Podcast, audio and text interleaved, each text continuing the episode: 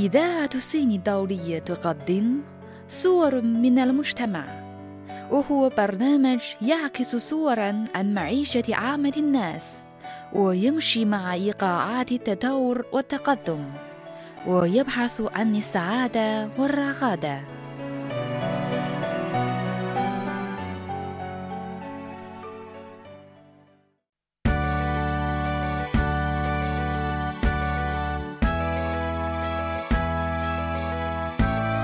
مستمعينا الأعزاء مستمعي إذاعة الصين الدولية في كل مكان أهلا ومرحبا بكم في حلقة اليوم في برنامج صور من المجتمع الذي نقدم لحضراتكم خلاله مختارات من حلقات برنامج طريق الحرير الذي تعده إذاعة الصين الدولية بالتعاون مع الإذاعة المصرية ويتناول ملامح علاقات الصين مع مصر والعالم العربي.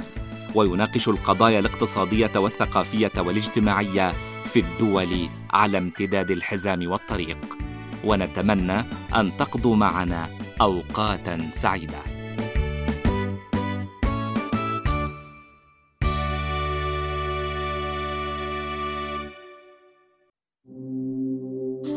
طريق الحرير. برنامج إذاعي نقدم لكم فيه بعض ملامح العلاقات المصرية الصينية من أجل مد جسور المحبة والصداقة والود بين الشعبين. طريق الحرير فقرات متنوعة نعرض فيها للثقافة والسياحة والاقتصاد والعادات والتقاليد في مصر والصين. طريق الحرير يأتي إليكم بالتعاون بين الإذاعة المصرية وإذاعة الصين الدولية. طريق الحرير الصين بعيون مصرية. مرحبا بمستمعينا الكرام مستمعي إذاعة البرنامج العام من القاهرة. في حلقة جديدة من برنامج طريق الحرير الذي يأتيكم بالتعاون مع إذاعة الصين الدولية. نتكلم عن العلاقات المصرية الصينية وهي علاقات ممتدة عبر التاريخ علاقات قوية ومترابطة مع مرور الزمان. ويسهم طريق الحرير في توضيح هذا الترابط وتعزيز أواصر المحبة الموصولة بين مصر والصين يناقش برنامج طريق الحرير جوانب الترابط والتآخي بين مصر والصين من خلال الروابط الاجتماعية والاقتصادية والسياحية والثقافية. وتمتد جسور الثقافة والاقتصاد والسياحة بين مصر والصين منذ آلاف السنين. وقد لعبت الحضارتان دورا كبيرا ومهما على مدى التاريخ في تطورات الحضارات عبر العصور. ونلقي الضوء في طريق الحرير على كل الجوانب المشتركة بين البلدين من خلال فقرات متميزة وشيقة. وكل هذا أعزائي ستجدونه في طريق الحرير ومعكم في طريق الحرير وفاء ناجي. وحسن محمد.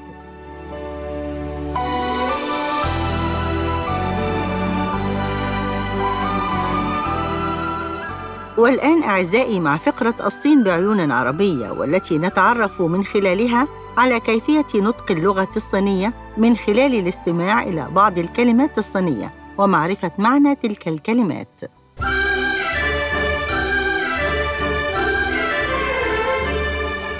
القرنبيط باللغة الصينية يعني القرنبيط الأسود أو البروكلي بالإنجليزية ويسمى بالعامية القرنبيط الأخضر وهو أحد نباتات الفصيلة الصليبية وهو من مجموعة الملفوف الكرنب والقرنبيط أو الزهرة. والقرنبيط غني بالمواد المضادة للأكسدة التي تحمي الخلايا من التلف والسرطان ويحتوي على كميات من المعادن والفيتامينات الأساسية. ومن الدول التي تشتهر بإنتاج وزراعة القرنبيط الأسود الصين، مصر، إيطاليا، بولندا، أمريكا، المملكة المتحدة، باكستان، إسبانيا، الهند والأردن. ومن أنواعه المعروفة البروكلي الأرجواني والصيني.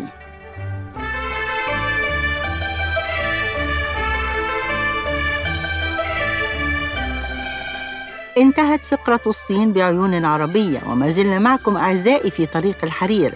نقدم باقي فقرات البرنامج. فابقوا معنا. الصديقات والأصدقاء مرحبا بكم في متابعة البرامج الجديدة لأسرة القسم العربي بإذاعة الصين الدولية. نلتقي بكم عبر الأثير بالجديد والمثير عبر برامج سياسية واقتصادية وثقافية وسياحية. كما تتابعون آخر التطورات الاجتماعية وأحدث موسيقى البوب الصينية والموسيقى العربية. للمزيد من المعلومات تفضلوا بتصفح موقعنا على الإنترنت arabic.cri.cn إذاعة الصين الدولية.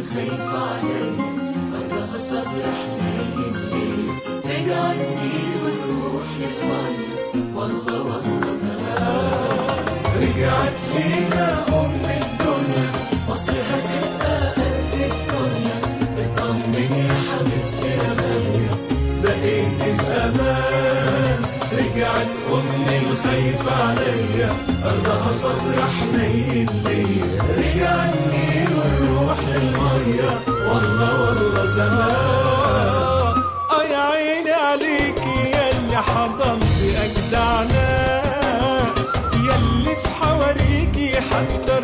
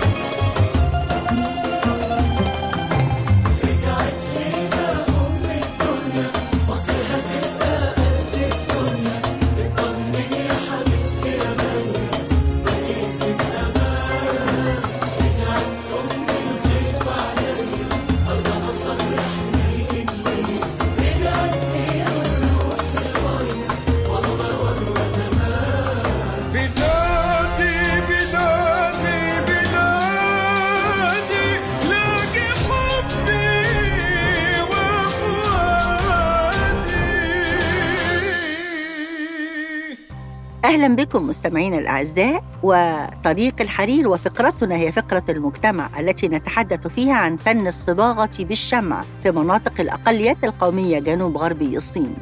الصباغة بالشمع هي مجموعة الفنون المرئية التي يعود أصلها إلى الصين سواء القديم منها أو الحديث. يعد الفن الصيني واحدا من أقدم الفنون وأغناها. إذ تعود بعض القطع الفنية التاريخية إلى حوالي عشرة آلاف سنة قبل الميلاد والتي كان أغلبها من التماثيل والقطع الفخارية. الصباغة بالشمع فن صيني قديم جدا ويستخدم فيه الشمع العسلي بشكل رئيسي وأحيانا يستخدم الشمع الأبيض. ورثه أبناء الأقليات القومية جنوب غربي الصين من أجدادهم وتناقلوه جيلا بعد جيل. تشكل لهذا الفن أسلوب فني قومي خاص وتبلور منه هذا التراث الفني للأقليات القومية الصينية. الصباغة بالشمع تتميز بدقة وجمال في التصميم. يتشقق الشمع فيما بعد بعد أن يبرد ويختلط مع الألوان الصباغية وتتشكل خطوط ملونة مختلفة الأشكال على الأقمشة. ينتشر فن الصباغة بالشمع في مناطق الأقلية القومية جنوب غربي الصين لا سيما مقاطعة كويتشو. وهو فن لا غنى عنه في حياة النساء من الأقليات القومية في هذه المناطق. النساء من قومية مياو في مقاطعة كويتشو يصنعن أغطية الرأس والملابس والتنورات ولفافات الساق وأغلفة المظلات وأغطية سلال الوجبات وحقائب الكتب وغيرها من الأشياء التي تصنع كلها بصباغة الشمع. وبالإضافة إلى اللونين التقليديين الأزرق والأبيض تصبغ بعضها باللون الأحمر والأصفر والأخضر كذلك. الصباغة بالشمع في معظم الأحيان يدوياً وحتى اليوم لم تنجح استخدام الآلات الحديثة في إنتاجها.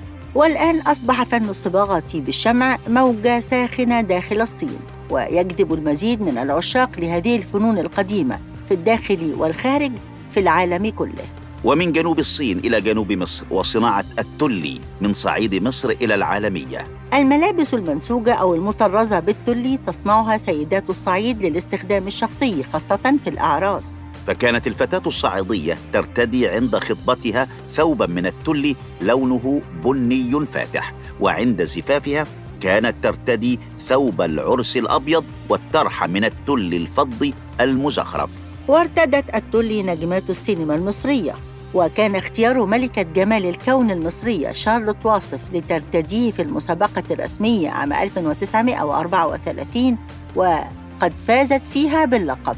ليكون التلي هو الزي المعبر عن الأناقة المصرية التراثية في هذه المسابقة العالمية. كما ارتدته أيضاً ملكة مصر نازلي في إحدى الصور الرسمية لها. وقد ارتدته أيضا الفنانة هيدي لامار في فيلم شمشون ودليلة عام 1949 ومن وقتها أصبح مفضلا لدى نجوم هوليود فارتدته كل من مايا فارو وباربرا سترايسند. أصبح التلي مفضلاً لدى بيوت الأزياء الفرنسية كبيت أزياء ديور فظهر في مجموعة ربيع 1998 وربيع 2007 وبعد أن كان التلي هو صناعة أسيوط الثقيلة في القرن التاسع عشر أصبحت تنحصر مناطق صناعته في أخميم وشاندويل إلى هنا أعزائي المستمعين نكون قد وصلنا لنهاية فقرة المجتمع في طريق الحرير. فاصل ونعود إليكم. فابقوا معنا. رحمة لي وي مشيرة جوجن نقدم لكم برنامج تبادلات أودية. يركز على تعزيز عواصر الصداقة ودفع العلاقات الأودية الراسخة بين الشعب الصيني والشعوب العربية. تقارير ساخنة تحليلات متخصصة تعليقات الخبراء.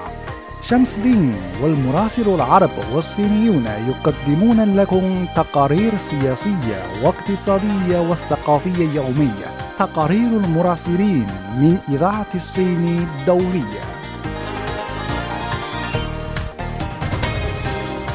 الثقافة والفنون الصينية. نقدم لكم هنا الكنوز الثقافية المشتركة الصينية عبر التاريخ. الناروجين من إذاعة الصين الدولية نستمع إلى نبض الموسيقى. نفتح أبواب الموسيقى الشعبية. تابعونا في برنامج نادي البوب الصيني. أنا باهية يانغين دائما معكم.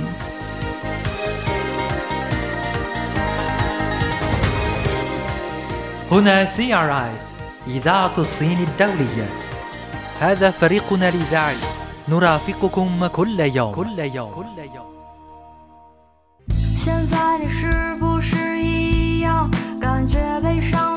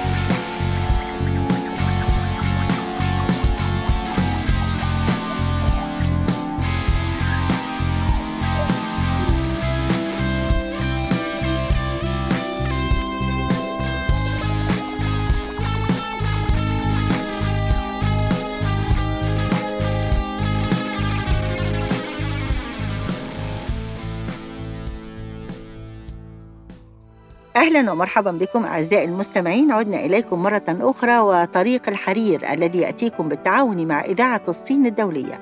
فقرتنا الآن هي الفقرة الاقتصادية ووزارة النقل المصرية تبحث من أجل التعاقد على أتوبيسات صديقة للبيئة للعمل داخل العاصمة الإدارية. وجاء ذلك في إطار تنفيذ خطة الحكومة المصرية لتوفير وسائل نقل جماعي منظم. على أعلى مستوى من الجودة والإمكانات الفنية لتسهيل تنقل المواطنين داخل العاصمة الإدارية الجديدة. وقد قام وزير النقل المصري كامل الوزير بجولة تفقدية في مصنع MCV ممثل مرسيدس العالمية لبحث تعاقد شركة سوبر جيت للنقل البري التابعة لوزارة النقل على عدد 20 حافلة للعمل داخل العاصمة الإدارية الجديدة حيث تفقد الوزير الطرازات المختلفة من الحافلات التي تعمل بعضها بالغاز والبعض بالديزل والنوع الثالث كهرباء ديزل وتعمل وفق آلية فنية محددة. مشيدا بأهمية مثل هذه النوعية من المصانع التي تحقق توطين لصناعة النقل بمصر. وفي الاقتصاد أيضا مستمعينا الأعزاء نتحدث عن قدرة صناعة المطارات المدنية في الصين على تسجيل نمو قوي في عام 2019 في هذا الصدد نمت صناعة المطارات المدنية في الصين بشكل مضطرد في عام 2019 حيث سجلت زيادة في أعداد الركاب والبضائع وعدد المطارات والرحلات الجوية وفقا لمصلحة الطيران المدني الصينية. وكانت هناك 237 من مطارات الخدمة المنتظمة في الصين في عام 2019 بالإضافة إلى أن هناك أربعة مطارات تم افتتاحها حديثاً بما في ذلك مطار بكين دا شينغ الدولي. ووصل عدد المدن التي تتمتع بخدمة طيران منتظمة إلى 234 مدينة وفقا لمصلحة الطيران المدني الصيني.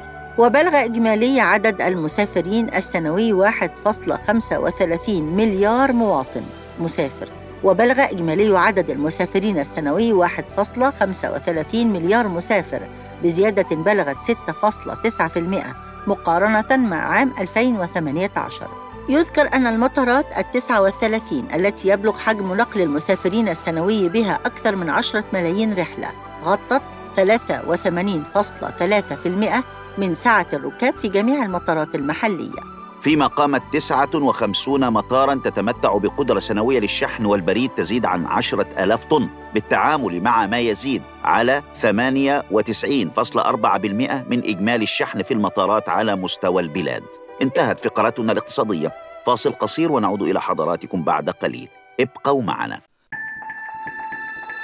هنا نافذة للتعرف على الصين والعالم. هنا شبكة لمعرفة الأصدقاء الصينيين. أنقر فيسبوك وتويتر وتابع CRI Arabic لتتضح لك الرؤية بشكل أروع.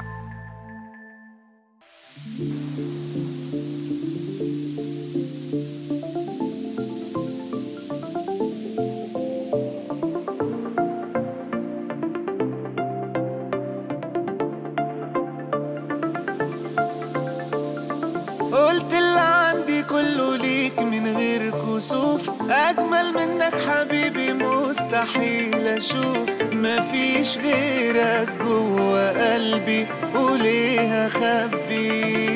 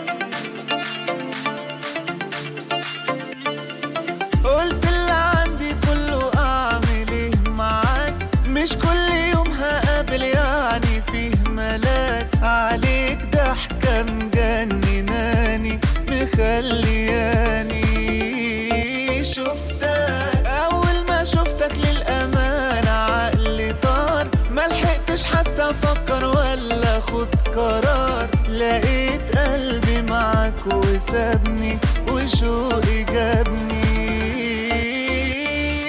ليه أنا بفكر فيك كده ليه؟ آه لو تعرف اللي أنا فيه تعالى قولي عملت لي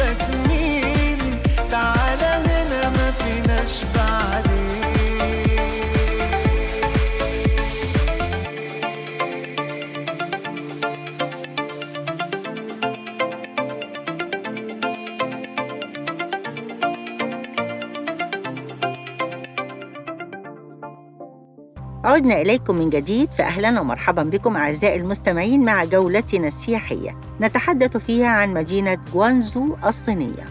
تعد مدينة جوانزو من أكبر المدن في الصين ومن أكثرها شهرة حيث تضم العديد من المزارات السياحية. وقد نالت هذه الشهرة خلال إقامتها لمعرض كانتون فير وهو أكبر وأقدم معرض تجاري في الصين.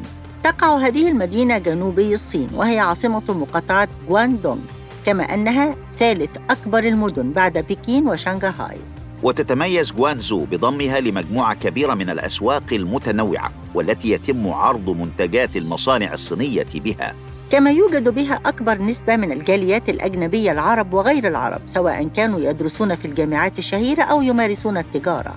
أما سياحياً فيعد برج كانتون من أجمل مزاراتها السياحية ويبلغ ارتفاعه 600 متر. لذلك فهو أطول الأبراج الموجودة في الصين. هذا بالإضافة إلى أنه يوجد به مطاعم وقاعات للمؤتمرات ومحلات تجارية إلى جانب دور سينما رباعية الأبعاد. ويعد متحف فنون جوانزو وجهة سياحية مدهشة لمحبي التحف الفنية حيث يضم أكثر من عشرة آلاف تحفة فنية ولوحة مدهشة. من هذه التحف واللوحات ما هو أصلي ومنها ما هو تقليدي هذا بالإضافة إلى العديد من المنحوتات الرائعة. كما تضم مدينة جوانزو أيضا معبد كيوان وهو من الأماكن المهمة بالنسبة للسياح نظرا لما يحتويه من طراز معماري فريد تم تأسيسه كمعبد للديانة البوذية. ويتميز المعبد بنقوش عديدة رائعة تجعل منه تحفة فنية ساحرة. ومن الصين ننتقل معا إلى القاهرة وبالفعل مدينة القاهرة هي مكان رائع. تجتمع فيه الكثير من الأماكن السياحية الترفيهية والثقافية والتاريخية وتعتبر من أهم مدن السياحة في مصر. كما تشتهر بأجوائها الشعبية وحياتها الليلية حيث المقاهي والكورنيش الذي يزدحم بالزوار القادمين للاستمتاع بمشاهدة نهر النيل في المساء. ويعد قصر عابدين من أجمل المزارات السياحية بهذه المدينة. فهو من أشهر القصور المصرية التي شيدت خلال حكم أسرة محمد علي باشا لمصر. كما كان مقرا للحكم من العام 1872 حتى العام 1952 وشهد الكثير من الأحداث منذ العهد الملكي وحتى نشأة القاهرة الحديثة. وعند زيارة هذا القصر يمكنكم التجول بين قاعاته والصالونات التي تتميز بلون جدرانها الأبيض والأحمر والأخضر. والتي كانت تستخدم في استقبال الوفود الرسمية أثناء زيارتها لمصر. كذلك هناك العديد من الأجنحة داخل القصر كالجناح البلجيكي الذي صمم لإقامة ضيوف مصر المهمين. وسمي بذلك لأن ملك بلجيكا هو أول من أقام فيه. يضم هذا الجناح سريرا يعتبر من التحف النادرة نظرا لما يحتويه من الزخارف والرسومات اليدوية. يمكنكم أيضا زيارة المكتبة الموجودة داخل القصر والتي تحوي قرابة 55 ألف كتاب. كما يحتوي القصر أيضا على مسرح يضم مئات من الكراسي المذهبة وبه أماكن معزولة بالستائر كانت خاصة بالسيدات في ذلك الوقت.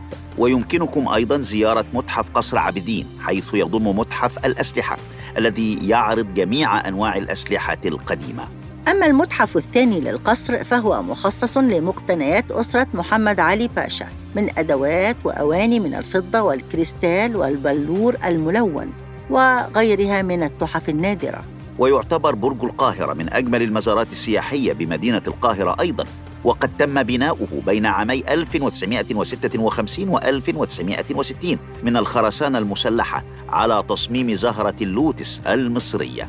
يصل ارتفاعه إلى 187 مترا وهو أعلى من الهرم الأكبر بالجيزة بحوالي 43 مترا. انتهت فقرتنا هذه فاصل ونعود إلى حضراتكم بعد قليل. ابقوا معنا. خدمة إعلامية متكاملة. قراءة استماع مشاهدة متعة بلا حدود. نيوز شاينا راديو شاينا تي في ثلاثة تطبيقات جديدة للأجهزة المحمولة تطلقها إذاعة الصين الدولية من بكين.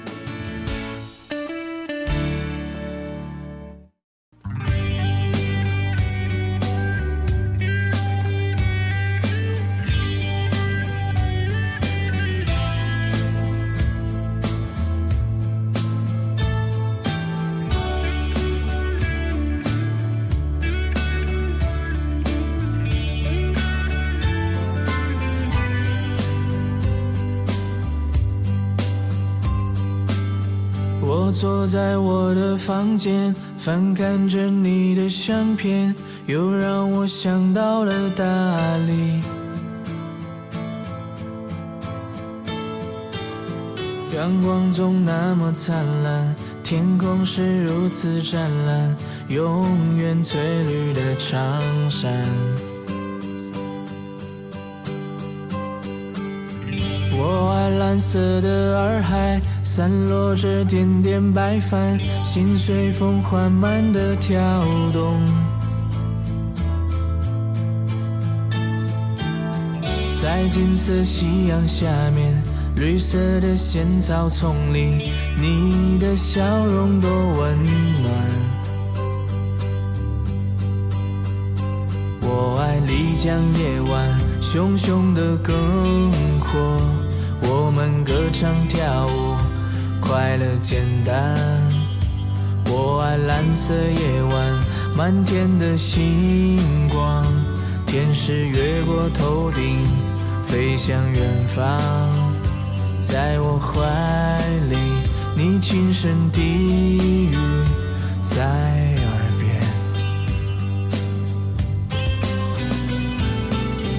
那一些温暖在我心间，伴随我想你的晴天。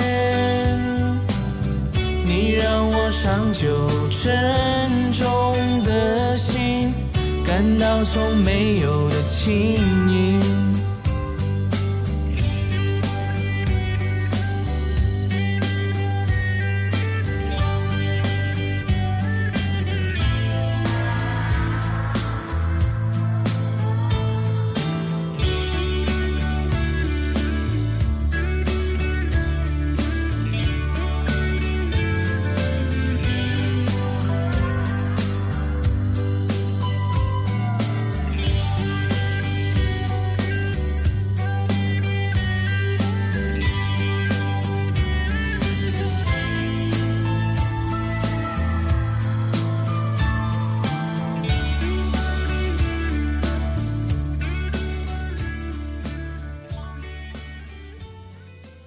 أهلا بكم مستمعينا الأعزاء وصلنا معكم إلى نهاية حلقة اليوم مع الفقرة الثقافية. نتحدث فيها عن السينما الصينية في دور العرض الأمريكية تتطلع صناعة السينما الصينية الآخذة بالازدهار إلى آفاق جديدة مع وصول المزيد من الأفلام الصينية إلى أرقام قياسية في دور السينما في أمريكا الشمالية في عام 2019 والسينما الصينية تعمل على جذب المزيد من مرتادي السينما الأمريكيين والكنديين خصوصا وأن الأفلام الصينية اعتادت أن تتجه إلى الشعب مباشرة. شكل عام 2019 علامة فارقة أخرى بالنسبة لصناعة السينما في الصين إذ أن ثمانية من أفضل عشرة أفلام من حيث الإيرادات هذا العام في بيانات شباك التذاكر في الصين كانت أفلاما صينية. فقد حققت إيرادات شباك التذاكر الصيني أعلى مستوى لها على الإطلاق حيث بلغ إجمالي ما أتت به 63.7 مليار يوان أي ما يعادل 9.1 مليار دولار أمريكي. ومع ذلك لا يزال من الصعب على الأفلام الصينية جذب مرتادي السينما بأمريكا الشمالية وتحقيق نجاح مماثل خارج الحدود الوطنية. ولكن يظل هناك سبب يدعو إلى التفاؤل ويتمثل في أن أداء اثنتين من كبريات شركات توزيع الأفلام الناطقة بالصينية في أمريكا الشمالية. في عام 2019 كان أفضل من العام الذي سبق. فقد أصدرت إحدى الشركات بنجاح كبير أحد عشر فيلما صينيا هذا العام وبلغ إجمالي إيراداتها في أمريكا الشمالية قرابة عشرة ملايين وستمائة وستين ألف دولار في فترة ليست بالطويلة. وكان على رأس ذلك فيلم الخيال العلمي الصيني محلي الصنع الأرض المتجولة وهو الفيلم الصيني الذي حقق أعلى أرباح في أمريكا الشمالية في السنوات الخمس الماضية بإجمالي إيرادات بلغت 5.87 مليون دولار.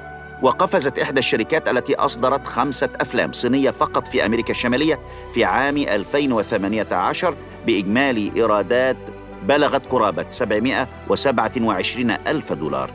خلال العقدين الأخيرين ومع نمو صناعة السينما الصينية إلى حجمها الهائل الحالي بدأ صناع الأفلام الصينيون في التعامل مع أفضل مدارس السينما الأمريكية لتعلم الخلطة السرية لهوليوود هذه الخلطة السرية التي مكنت تنسل توان من السيطرة على صناعة الصور المتحركة على مدى السنوات المئة الماضية.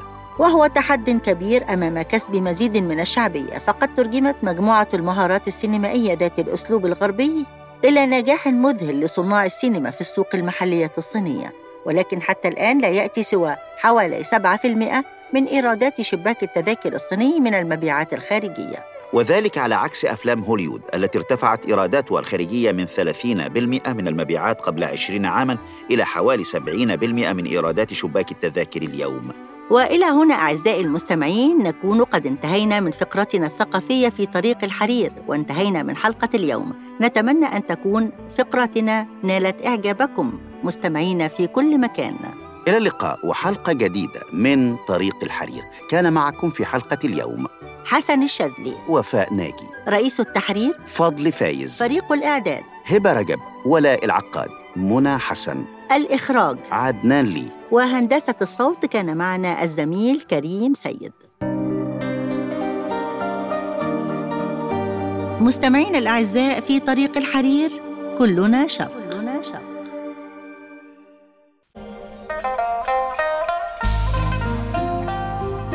إذاعة الصين الدولية ترحب بكم على الموجات القصيرة وموجات أف أم والإنترنت.